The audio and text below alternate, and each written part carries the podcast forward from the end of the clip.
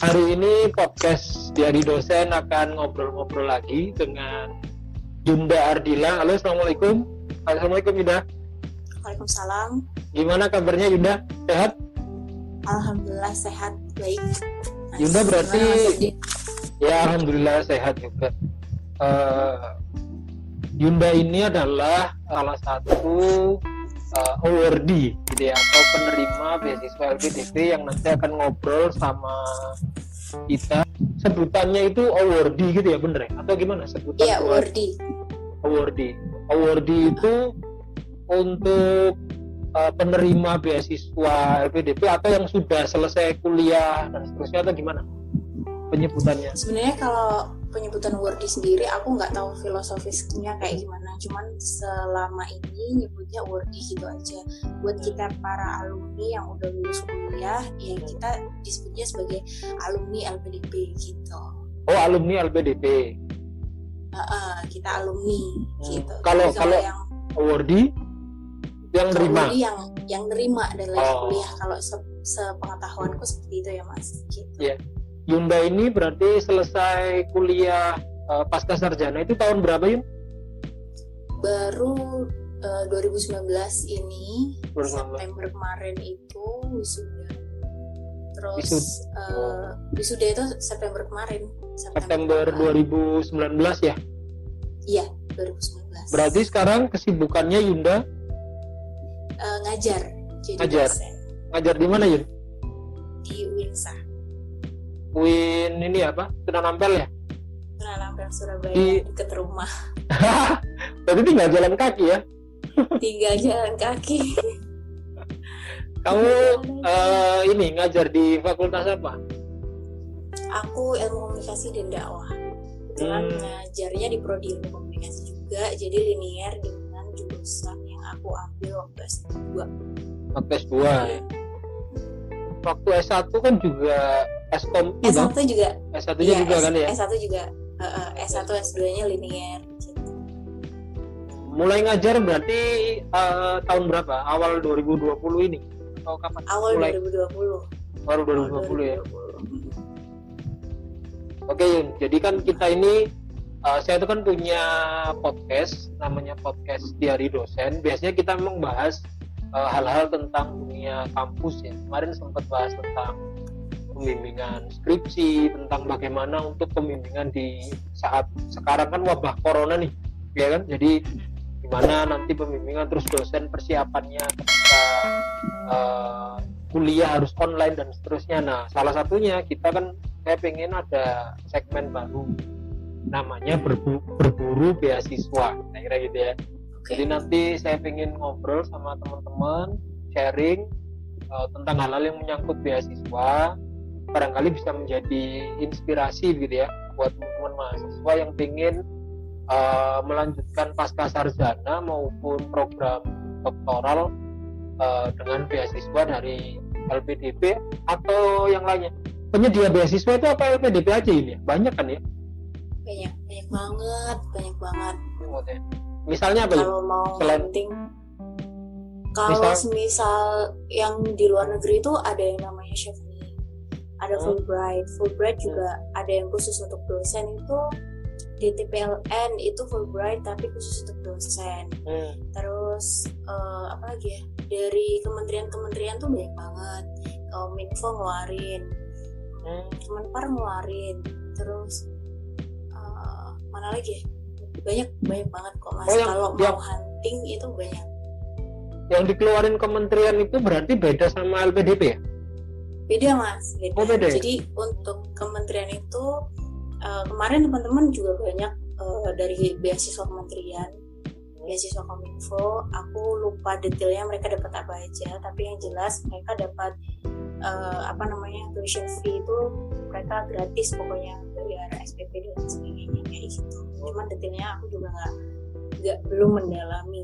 Kemarin baru kayak taunya eh, Fulbright terus habis itu tertarik sama DTPLN yang itu memang eh, dikhususkan untuk dosen, Dosen. gitu terus kalau LPDP itu yang khusus dosen tuh namanya Budi Budi ya? Beasiswa untuk dosen Indonesia, eh beasiswa unggulan ya, dosen Indonesia iya ya? Namanya. betul kalau Yunda sendiri uh, eh, LPDP-nya itu dapat beasiswanya itu tahun berapa yuk? Tahun berapa? Tahun 2017 itu tanda tangan kontrak. 2017 oh, ya. Eh, sorry sorry. Tahun 2016 akhir hmm. tanda tangan kontrak. Terus tahun 2017 tuh langsung kuliah. Kuliahnya 2017 ya? Iya, lulusnya tahun 2019. 19 Yunda itu berarti kalau boleh cerita uh, beasiswa di LPDB-nya itu kan kalau nggak salah ada macam-macam ya, ada yang full, mungkin ada yang ya. SPP-nya doang dan seterusnya. Kalau Yunda gimana? Iya, kalau saya itu yang uh, reguler. Jadi hmm. uh, eh, LPDB itu kan macam-macam. Ada yang dia afirmasi afirmasi beasiswa afirmasi sekarang ada santri terus ada yang budi itu tadi dan ada juga yang reguler ada juga yang tesis dan lain sebagainya hmm. kebetulan saya yang uh, dapatnya yang bukan dapat sih sebenarnya apply-nya waktu apply itu reguler apply-nya reguler jadi dapatnya juga si reguler itu. Dan uh, reguler itu yang tipe full cover. Gitu. berarti oh kamu full cover berarti ya? Dari dari awal sampai lulus full ya di cover sampai sama BDPN uh, mantap mantap mantap. Nah, ini sekarang saya ingin uh, ngulik lebih dalam ya. Dulu Hyundai itu uh, lulus S1 itu tahun berapa Yun? Lulus S1? Lulus S1 tahun 2014. 2014. Saya angkatan 2010. Hmm. Angkatan ke satu Al Hadid. Oke oke. Angkatan pertama ya? Angkatan pertama SD di Al Hadid ya. Nah, 2014. 2014 terus tanda tangan LPDP itu akhir 2016. 16. Nah, nah itu mungkin Bunda bisa cerita uh, informasi yang mungkin barangkali waktu itu di dapatnya itu tentang beasiswa LPDP dan sebagainya itu prosesnya dapatnya gimana juga saat itu ya?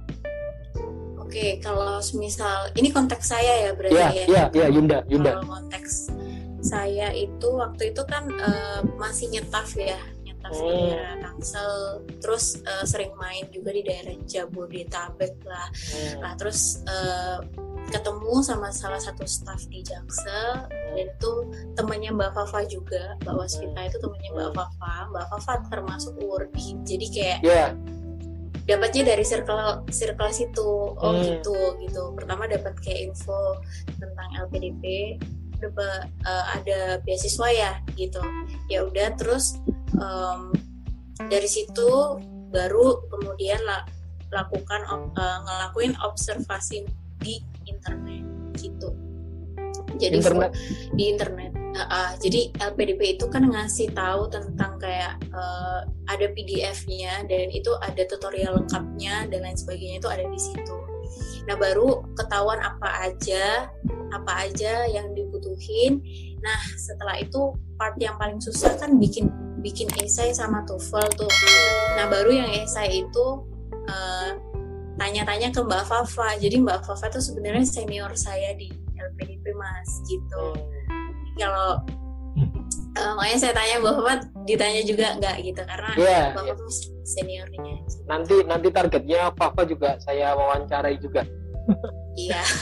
Berarti sumber sumber informasinya yang pertama dari circle pergaulan ya. Pergaulan dapat informasi mahasiswa terus dari internet website resminya dari berarti ya? internet. ya?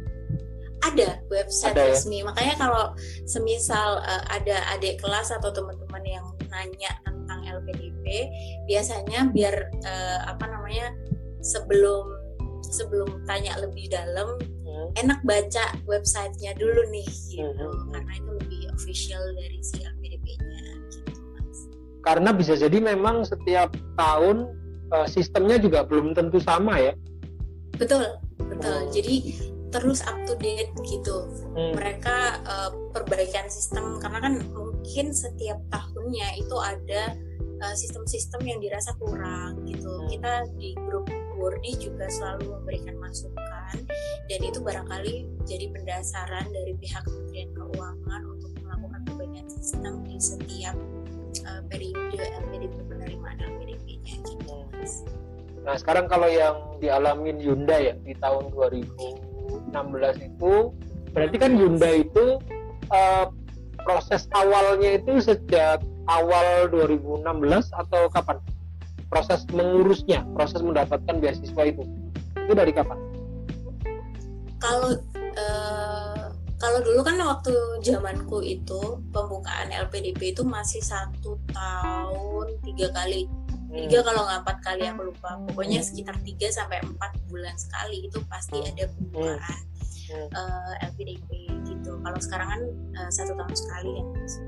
Hmm. nah jadi uh, waktu dulu itu uh, pokoknya seingatku proses yang paling lama untuk persiapan itu uh, dapetin sertifikat TOEFL yang uh, disyaratkan sama LPDP dia kan mintanya ITP yang uh, apa sih namanya ITP yang itulah aku lupa deh sampai pokoknya yang uh yang harganya di atas 500 yeah. gitu. Oh. yang di bawah itu dia nggak mau gitu. Yeah. Terus, Terus uh, minimal tuh ITP dan itu yang yang aku punya waktu itu. Itu hmm. yang paling lama sekitar karena uh, aku secara bahasa Inggris masih kurang. Terus baru setelah itu uh, yang lain-lainnya tuh kayak cuman dua minggu prosesnya. Gitu. Soalnya kenapa kok uh, mepet kayak gitu? Misal uh, SKCK SKCK itu cuma tiga bulan empat bulan gitu mas. Sudah expired. Oh. terus itu surat sehat. Itu hmm. expirednya juga cuma berapa minggu? Tiga minggu kalau nggak salah. Terus uh, surat rekomendasi dan lain-lain itu 3 sampai empat bulan tuh udah expired. Jadi aku fokus yang expirednya paling lama apa? Oh, TOEFL. Ya udah TOEFL kan dua tahun. Dua tahun. aku selesaiin TOEFL dulu baru yang lain setelah oke okay, ready semua mepet aku urus. Urus. Setelah itu submit. Nah itu juga strategiku. Jadi kalau seandai-andainya nih batch ini nggak lolos aku nggak perlu susah-susah untuk urus lagi bisa dipakai untuk batch selanjutnya gitu. Kamu waktu itu ikut yang batch bulan apa? Batch 3 pokoknya batch 3 oh. itu uh, Agustus. Agustus iya, sampai September ya? September iya. mungkin ya? Iya. Pokoknya segitulah. Kalau secara akhir kalau secara tahapannya mungkin Yunda masih ingat waktu itu tahapan proses dari awal mungkin bisa cerita Yunda tahapan untuk pengurus beasiswa itu sepengalamanku ya karena yeah. yang sekarang tuh yeah. kayak udah baru hmm. mereka punya tes TPA assessment test atau apa hmm. nggak nggak nggak update hmm. yang kalau yang kamu baru kalau yang aku itu pertama ada administrasi hmm. jadi administrasi itu uh, kita dimintain mulai dari esai esai itu ada esai sukses besar uh, terus uh, rencana kontribusi untuk Indonesia, hmm. terus uh, rencana studinya seperti apa. Terus ada SKCK, TOEFL, terus surat keterangan sehat dan bebas narkoba dan kalau nggak salah. Hmm. Terus surat rekomendasi dari atasan maupun tokoh uh, masyarakat. Hmm. Terus surat mengundurkan diri kalau sedang bekerja. Hmm. Apa lagi ya? gitu deh mas ya yeah, itu administrasi terus itu, terus uh, administrasi udah kan itu proses nunggu mungkin selama sebulan kali ya kalau nggak tiga minggu terus baru setelah itu pengumuman pengumuman itu ada tahap verifikasi dokumen jadi kita datang hmm. uh, ke tempat uh, eh, LPDP itu itu hmm. verifikasi dokumen. Jadi ijazah kita, sertifikat TOEFL kita dan lain sebagainya itu dicek uh, asli apa enggak. Karena emang uh, faktanya di lapangan itu banyak yang menawarkan jasa TOEFL palsu. Hmm. Gitu. Terus um, baru setelah itu masuk ke tahap seleksi substansi. Nah, seleksi hmm. substansi ini itu ada tiga. Jadi pas aku tuh ada tiga proses uh, orang lain itu mungkin ada uh, dua satu sampai tiga hari prosesnya. Tapi aku dapatnya yang satu hari full jadi mulai dari jam 8 pagi sampai jam 8 malam. Apa ini? Yang pertama yang pertama itu gini mas. Jadi uh, ada essay on the spot ada leaderless grup discussion sama wawancara. Nah aku kedapatan yang essay on the spot dulu essay on the spot itu gini uh, nanti kita itu kayak ditaruh di satu kelas dikasih paper dikasih kertas sama pensil dan itu uh, dikasih waktu 30 menit untuk memberikan uh, solusi atas masalah yang diberikan. Jadi random kita random dikasih masalah. Kebetulan waktu itu aku dapatnya masalah pembangunan SDM dan juga pendidikan di Indonesia. Itu kayak gimana sih? Gitu mereka kasih kok ngasih soalnya. Masalahnya kayak gini asumsinya kayak gini SDM-nya kayak gini gini gini gini. Jadi kamu punya solusi apa? Gitu. Itu cuma dikasih waktu 30 menit kita nulis 30 menit. Ya. On, on the spot itu ya? On the spot ya dikasih topiknya? On the spot.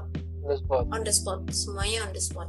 Oke, nah, terus terus setelah itu masuk ke leaderless group discussion. Leaderless group discussion itu nanti kita akan diawasi oleh dua orang uh, pengawas uh, dengar-dengar sih beliau merupakan praktisi atau akademisi yang satu. Yang satu lagi itu psikolog gitu. Nah nanti kita ditaruh kayak uh, ruangan panel gitu. Ada 10 10 sampai 12 orang. Wih, terus kita 12 nanti orang. iya. Banyak. Dan itu dan itu leaderless. Jadi Eh, eh, nggak ada moderator nggak ada nggak ada instruksi apa apa pokoknya kita dikasih ini nih ada topik ini silahkan selesaikan gitu. Waktu itu aku dapatnya tentang diaspora Indonesia. Hmm. nah eh, akhirnya 10 orang nih eh, 10 orang waktu itu aku dapat ada yang beliau udah eh, mau S3 jadi beliau Hmm. udah udah dosen kayaknya. Jadi udah expert lah kayaknya Hmm. gitu. Aku aduh banyak datanya. Terus eh, ada juga yang dia S1-nya dari Jepang dari dari Prancis jadi karena emang ini beasiswa nasional macam-macam mas yang ikut gitu. Dan emang bukan beasiswa untuk yang tidak mampu. Jadi Hmm. eh, seluruh kalangan boleh daftar. kelas ekonomi maupun suku budaya agama semuanya boleh daftar di situ gitu. Terus eh, ya udah di situ eh, kita jawab gitu sesuai dengan eh, apa namanya yang yang pengen kita jawab gitu. Nah kebetulan kayak gini itu pinter-pinternya kita aja untuk ngejawabnya seperti apa. Jadi kita ngelihat situasi mayoritas teman-teman kita itu ngejawabnya pakai perspektif apa nanti kita ambil positioning yang sekiranya keunggulan kita di mana nah kita jawab aja sesuai dengan perspektif kita. Jadi nggak usah nggak usah sotoy gitu. Serius semakin sotoy. nah, betul betul. Setauku malah nggak lulus gitu. Hmm. gitu. Jadi leaderless karena leaderless nggak ada yang ngatur jadi gimana caranya kita ngatur diri kita sendiri? Hmm. Ngatur eh, posisi kita di forum itu seperti apa gitu. Itu berarti agak agak beda dengan FGD ya? Agak beda ya? Beda. Dengan jadi fokus kalau group discussion agak beda ya? Beda beda. Kalau Hmm. FGD setahu aku kayak masih masih diperbolehkan adanya moderator ada Hmm. notulensi dan lain sebagainya. Kalau ini leaderless jadi eh, ya udah nggak ada gitu. Siapa yang mau Oh. inisiatif ngatur silahkan gitu tapi ngaturnya juga bakal dilihat orang ngomong juga bakal dilihat gitu untungnya kan Hmm.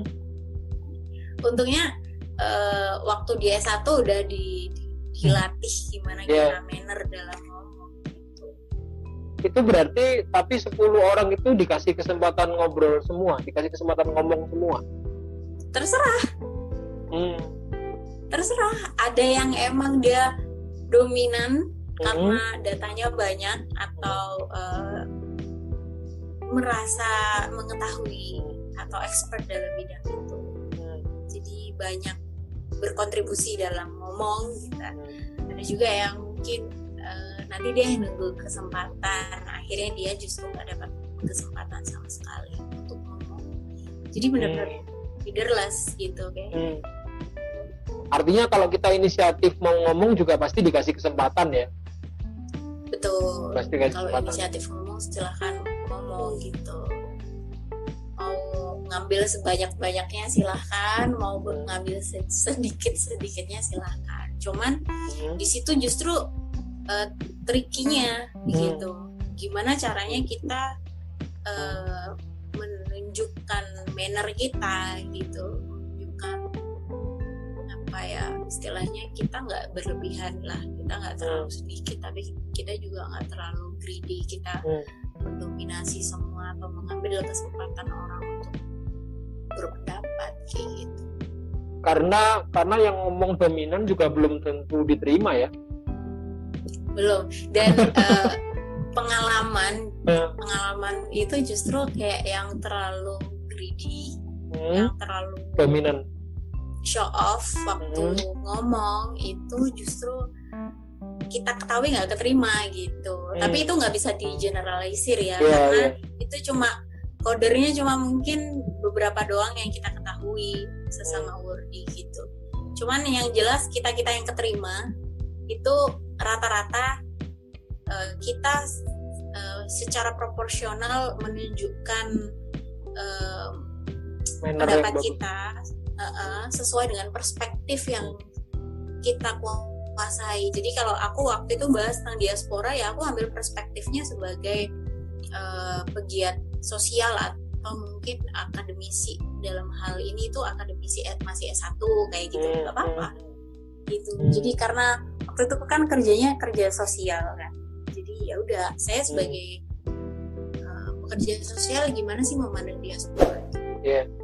Nggak sotoy dan nggak terlalu dominatif juga gitu mungkin ya secukupnya gitu ya Iya, sesuai sama proporsi proporsional kemampuan kita dan juga background kita apa gitu. Kalau emang lulusan S1-nya hukum ya silahkan Hmm. memecahkan masalah itu sesuai dengan perspektif hukum karena solusi itu bisa pecah kalau misal sesuai dengan perspektif yang kita Hmm. kuasai kayak gitu. Oke oke oke. Itu uh, uh, leaderless group discussion itu berapa menit, berapa jam waktu itu? 45 sampai 1 jam ada yang 30. Segitulah. Terus setelah setelah itu selesai, terus setelah itu selesai kan nunggu nunggu giliran saya dapat giliran jam 8an jam 8 Malam? malam nah itu apa? jadi itu wawancara jadi Hmm. itu yang pamungkasnya lah kalau menurut aku tuh pamungkasnya. Jadi Hmm. em, itu pun durasinya macam-macam mas. Teman aku ada yang cuma 15 menit ada yang sampai satu jam. Kebetulan aku dapat yang 30 menit. Jadi kayak di antara lah nggak terlalu lama nggak terlalu cepat gitu. Itu Ya, tahu uh, kamu ini ya da- dalam satu hari gitu ya maraton gitu ya? maraton. Jadi itu bingung. Bingungnya itu mau ditinggal ke toilet nanti dipanggil. Iya Mau- betul betul. mau makan nanti dipanggil. Gimana? Akhirnya gimana kamu? Kalau ke toilet makan gitu cepet-cepetan gitu akhirnya? iya akhirnya gitu. Terus koordinasi sama apa kenalan. Kan di situ aku benar-benar sendirian nggak punya kenalan. Hmm. terus eh, dari keluarga juga nggak ada dari temen sesama staff nggak ada jadi ya udah mau nggak mau eh, apa namanya kita kenalan sama sesama apply yang apply di beasiswa itu ya gimana gitu kita di- nomor dan nggak kenapa Di Jakarta waktu itu ya? Itu di ya? Jakarta mas Tesnya di milih Jakarta? di Jakarta. Heeh. Terus terus terus. Terus ya udah em, udah waktu em, waktu wawancara itu kebetulan dapat em, ada tiga sih dengar dari sih mereka terdiri dari satu psikolog terus satu akademisi sama satu praktisi Hmm. gitu.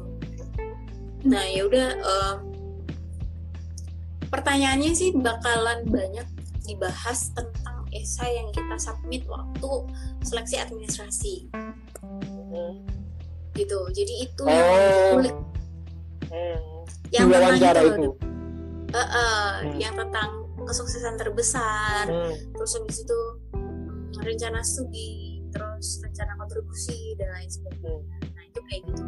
Itu tuh yang ditanya uh, dalam ditanya banyak tentang apa namanya esai kita itu beneran nggak Oh. sih gitu logis nggak jadi yang ditanya itu yang aku rasain ya mas itu lebih ke beneran nggak sih yang kamu tulis terus eh, logis nggak yang kamu tulis gitu jadi semisal hmm, kamu pengen kamu pengen berkarir di sini, kamu pengen berkontribusi di sini, berarti skill kamu butuhnya ini. Kenapa kamu milih kuliah di sini gitu? Hmm.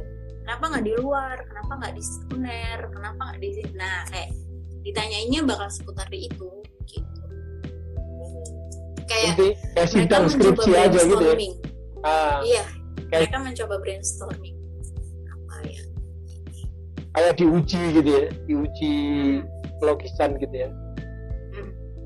Itu berapa orang? Yang wawancara berapa orang? Tiga orang. Tiga, tiga orang. Rasa-rasanya sih ya psikolog, akademisi sama praktisi banyak yang ngomong kayak gitu. Emang kalau di lapangan sih ada satu yang sabar, ada satu yang galak, ada yang satu tanyanya detil banget praktis kayak gitu. Iya. ya. Itu berapa lama? Kamu setengah jam ya? Wawancaranya setengah jam. Setengah jam. Yang mungkin Dan banyak pertanyaannya substansi. yang mungkin banyak jadi pertanyaan untuk teman-teman tuh biasanya adalah saat wawancara itu eh, apakah eh, full berbahasa Inggris? Maksudnya diwawancarainya itu dalam bahasa Inggris atau bahasa Indonesia? Yunda waktu itu Kalau uh, pengalaman aku aku bahasa Inggris gitu. bahasa Inggris. tapi uh, uh, tapi terus terakhir karena gini aku kan pakai strategi positioning Hmm. jadi positioning maksudnya aku pengen menunjukkan bahwa uh, aku anak daerah yang bisa survive di kota besar gitu kan Hmm. Hmm. Uh, jadi waktu di akhir hampir akhir itu aku minta buat ngomong pakai bahasa Jawa. Bahasa Jawa bahasa Indonesia. Hmm. gitu. Terus pakai bahasa Jawa juga kayak gitu mas. Jadi di situ eh, kita bisa request. Cuman eh, belakangan ini yang angkatan bawah itu dengar-dengar untuk anak yang apply di luar negeri dia pasti pakai bahasa Inggris yang dalam negeri dia pasti pakai bahasa Indonesia katanya kayak gitu Hmm. Nah, pas aku itu masih kecampur-campur dan aku apesnya dapet yang bahasa Inggris. gitu. Jadi pas datang langsung ditodong pakai bahasa Inggris gitu. Langsung dia nanya juga dalam bahasa Inggris ya. Nanyanya full bahasa Inggris wawancaranya. Iya, gitu. Full. Iya, nama kamu siapa, kegiatan kamu apa, kamu udah nikah belum, Hmm. terus nanti kamu kalau udah, kamu udah punya pacar belum, gitu. Hmm. jadi itu tuh nanti ditanya kenapa kok ditanya udah punya pacar belum udah nikah belum tuh kaitannya ditanya tentang kalau nanti takutnya ternyata nikah terus gimana gitu Hmm. apakah suaminya ikut pindah atau LDR terus kalau Hmm. LDR kamu bisa survive nggak kayak gitu atau kalau yang udah nikah terus gimana kamu kalau nanti kalau punya anak gimana sistemnya eh, ngasuhnya dan lain sebagainya gitu jadi kayak plan-plan seperti itu juga bakal di- ditanyain gitu. Hmm. kalau kita nggak bisa jawab ya minus kan maksudnya akhirnya kita dipandang nggak siap untuk studi gitu mas Hmm. Berarti lebih ke memang menguji esai tadi sekaligus mengu- menguji perencanaan kita gitu ya. iya perencanaan. Semuanya ternyata kalau Semuanya ya. kalau di semuanya kalau di esai itu kan eh, yang ditanya rencana studi kan Ah. itu kita fokus berapa SKS nih yang Iya. bakal kita ambil setiap semesternya sehingga Hmm. habisnya berapa tahun Hmm. terus topik apa yang bakal kita ambil Hmm. gitu kan tesisnya mau ambil pembimbingnya siapa kayak gitu-gitu tapi faktanya emang yang ditanyain nanti juga terkait sama kamu udah punya pacar belum? Oke udah nih. Terus Hmm. rencana kap- nikahnya kapan gitu. Hmm. oh ya mungkin uh, satu sampai dua tahun lagi atau nunggu lulus gitu. Oke Hmm. kalau nunggu lulus berarti kamu LDR dong bisa survive nih gitu. Atau "Hmm, saya mau nikah satu tahun lagi nih ternyata. Hmm. oh gitu. Terus gimana? Suami kamu kerja di mana gitu? Kamu Hmm. LDR bisa. Nah itu nanti bakal ditanya sebenarnya meskipun ada beberapa orang yang menganggap itu sangat ofensif karena apa bersifat pribadi tapi kalau saya saya pribadi sih itu penting ya itu Hmm. penting Hmm. gitu even kita kerja sekalipun itu penting untuk eh, apa kayak dibahas tentang perencanaan menikah, Iya. perencanaan punya anak sehingga bisa ditata program ke depannya Iya. itu seperti apa. Gitu. Dari sudut pandang penyedia beasiswanya wajar lah ya dia nanya itu ya, Wajar. ya kan? Karena kan Apalagi kalau Hmm. keluar negeri hmm, itu repot. karena kan kalau misalnya sudah terlanjur dapat terus eh, putus di tengah jalan kan juga negatif ya pastikan ya. Sehingga Iya. wajar, sehingga wajar dia. eh, negara juga keluar kos, Betul. Heeh, Iya iya. keluar biaya seleksi nggak murah. Terus kamu waktu itu setelah itu prosesnya semua dijalanin, nunggu berapa lama sampai ada pengumuman?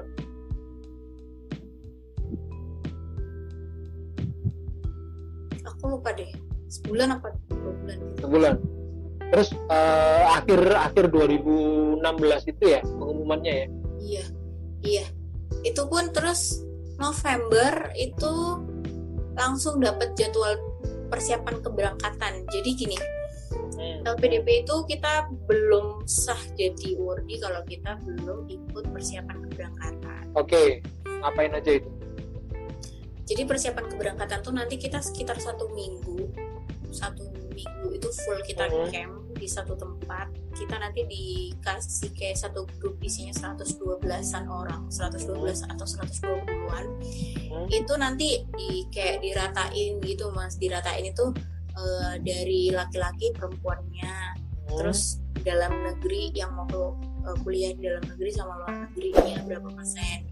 Hmm, terus nanti yang wilayah Eropa, Amerika, Asia itu kayak diratain gitu sama program studinya. Jadi mungkin aku memandangnya eh, pihak LPDP pengen kita punya circle hmm, yang beragam gitu pemerataan. hmm. Di situ nanti kita ada program eh, kayak pembekalan, terutama pembekalan wawasan kebangsaan. Terus habis itu em, dari segi kayak pemikiran, em, belajar, studi dan lain sebagainya, seni, atau kita dikasih kayak insight tentang gimana sih sektor-sektor di Indonesia itu gitu. Itu mereka ngedatengin beberapa narasumber eh, dari eh, tokoh-tokoh nasional. Eh, terus kemarin juga CEO XL itu didatengin buat kita bahas tentang gimana manajemen apa gitu. Lupa banget mas sorry. Hmm. tahun 2016 soalnya. Itu selama seminggu. seminggu full. Kita Full. nginep di situ full. Seminggu apa lima hari ya? Gitu. Uh, camp di situ.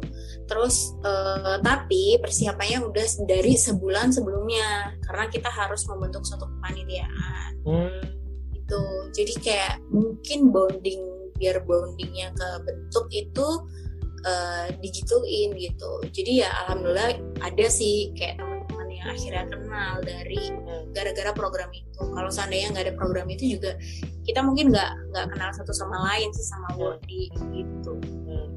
Sebulan sebelum sebulan sebelumnya itu ngapain aja? itu kita kayak koordinasi online Hmm, online. tentang eh, siapa yang bakal jadi perwakilan terus nanti siapa yang datang ke Depok buat ngurus. Karena kan itu kesebar di seluruh Indonesia kan ada yang dari Papua juga. Oh iya betul betul. gitu. Jadi yang di Depok itu karena uh, senternya office-nya di Depok. Jadi semuanya yang jadi perwakilan tuh di Depok mereka ngurusin. Hmm, itu doang sih ngurusin tentang apa aja yang perlu dipersiapkan. Terutama Hmm. kayak mungkin kita pengen bikin kaos yang sama terus uh, kita pengen bikin yel-yel kita bikin something gimmick yang bisa memperkuat bonding kita lah sesama wordy gitu. Gitu sih mas. Setelah itu seminggu, setelah seminggu itu baru eh, setelah seminggu itu kita nanti tanda tangan kontrak. tanda tangan kontrak. Itu posisi Yunda ketika dapat apa pengumuman atau tanda tangan kontrak itu berarti sudah dapat kampus atau belum? Belum, belum. Belum ya? Oh, Jadi, belum ya? Mm-mm. Jadi di LPDP itu eh, ada dua kemungkinan. Mhm. Yang jelas kan kita harus submit letter of acceptance itu, jadi LOE Hmm. itu. Mhm. Itu tuh bisa dilakukan ketika kita daftar. Artinya kita belum diterima tapi kita udah dapet kampus. Itu bisa juga dikumpulin pas kita udah keterima dulu. Oh. Jadi keterima beasiswa dulu, baru jadi Hmm. kampus. Hmm. Nah kebetulan aku cari amannya waktu itu, cari Hmm. aman karena eh, aku juga nggak nggak effort effort banget untuk kuliah yang semahal itu. Waktu itu kepikirannya gitu. Jadilah Hmm. cari yang murah. Tapi kalau eh, bisa beasiswa ya udah kita ambil aja yang paling bagus apa gitu. Hmm. Cuman kalau emang eh, jangan sampai eh, apa namanya dapat kuliah dulu tapi terus habis itu ternyata nggak dapat beasiswa aku nggak Hmm. mau Hmm. gitu kan Iya. jadi kuliah yang biasa aja terus ya udah akhirnya aku ambil beasiswa dulu baru kampus Berarti udah dapet, baru daftar. Kamu daftarnya waktu itu ke mana? Pasca sarjananya, kuliahnya. di UI dulu terus baru UGM Itu oh dua bisa ya? jaga-jaga jaga-jaga Hmm. Sistemnya gimana tapi sih aku kalau daftarnya Hmm, gimana gimana? aku daftarnya UI kan Hmm. daftar maksudnya aku apply LPDP esahku itu UI UI. gitu cuman teman-teman itu kan di- eh, kita tuh kan dikasih waktu cuma satu tahun untuk bisa dapetin kampus Nah, kampus. dapetin LOE itu Hmm. nah terus eh, awalnya kayak jaga-jagalah gitu. Kalau ada kalau emang nggak bisa UI ya UGM gitu. Hmm. terus eh, kayak kayaknya sih mungkin bisa kalau seandainya kita eh, menunjukkan argumen seandainya nggak keterima. Ini kayak ini kayak strateginya awardee gitu mas. Hmm. jadi kalau seandainya nggak keterima UI aku tinggal ngajuin pindah kampus ke LPDP gitu selama Hmm. itu sesama dalam negeri dan grade-nya sama-sama A Hmm. gitu. Kalau- ya udah buat. Terus terus. terus.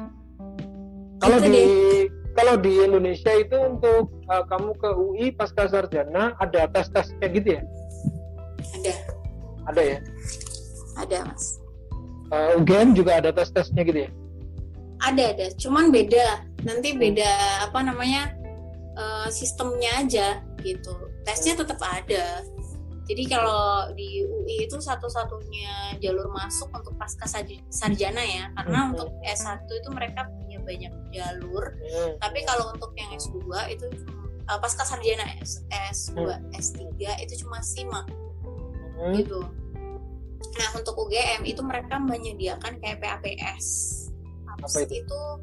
Eh, tes potensi akademik pasca sarjana PAPS gitu. Jadi Hmm. itu sama kayak UI, cuman dia cuma TPA aja Hmm. gitu. Nanti bahasa Inggrisnya kita atta- attach apa namanya eh, sertifikat bahasa Inggris eh, gitu.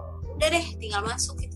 Di, di zaman kamu itu standar TOEFL minimalnya berapa yuk di uh, Dalam negeri masih 500 500 ya. Kalau luar negeri 550 550 ya. Eh, nggak pakai standar IELTS ya? Eh, nggak ya, ITP ya? Eh gini mas, kalau kalau TOEFL itu Hmm. setahu aku kalau dalam negeri itu pakai TOEFL sama pakai apa sih yang bawahnya TOEFL lagi tuh? Aku lupa deh. Bukan Apa ya, IELTS. mas? IELTS bukan ya? Bukan ya? IELTS atasnya lagi. Oh, atasnya. IELTS gitu. atasnya. Oh. Nah, IELTS itu lebih susah. Terus Hmm. dia juga biasa digunakan untuk eh, Luar negeri. beasiswa luar negeri. Benar. gitu. Kalau luar negeri biasanya TOEFL juga oke, tapi yang IBT setahu aku ya mas, tahu Hmm. aku tuh IBT. Kalau ITP Oh, iya, itu IBT. kayak udah nggak dipakai. ITP itu udah standar yang ini, yang Indonesia lah. Indonesia. Gitu.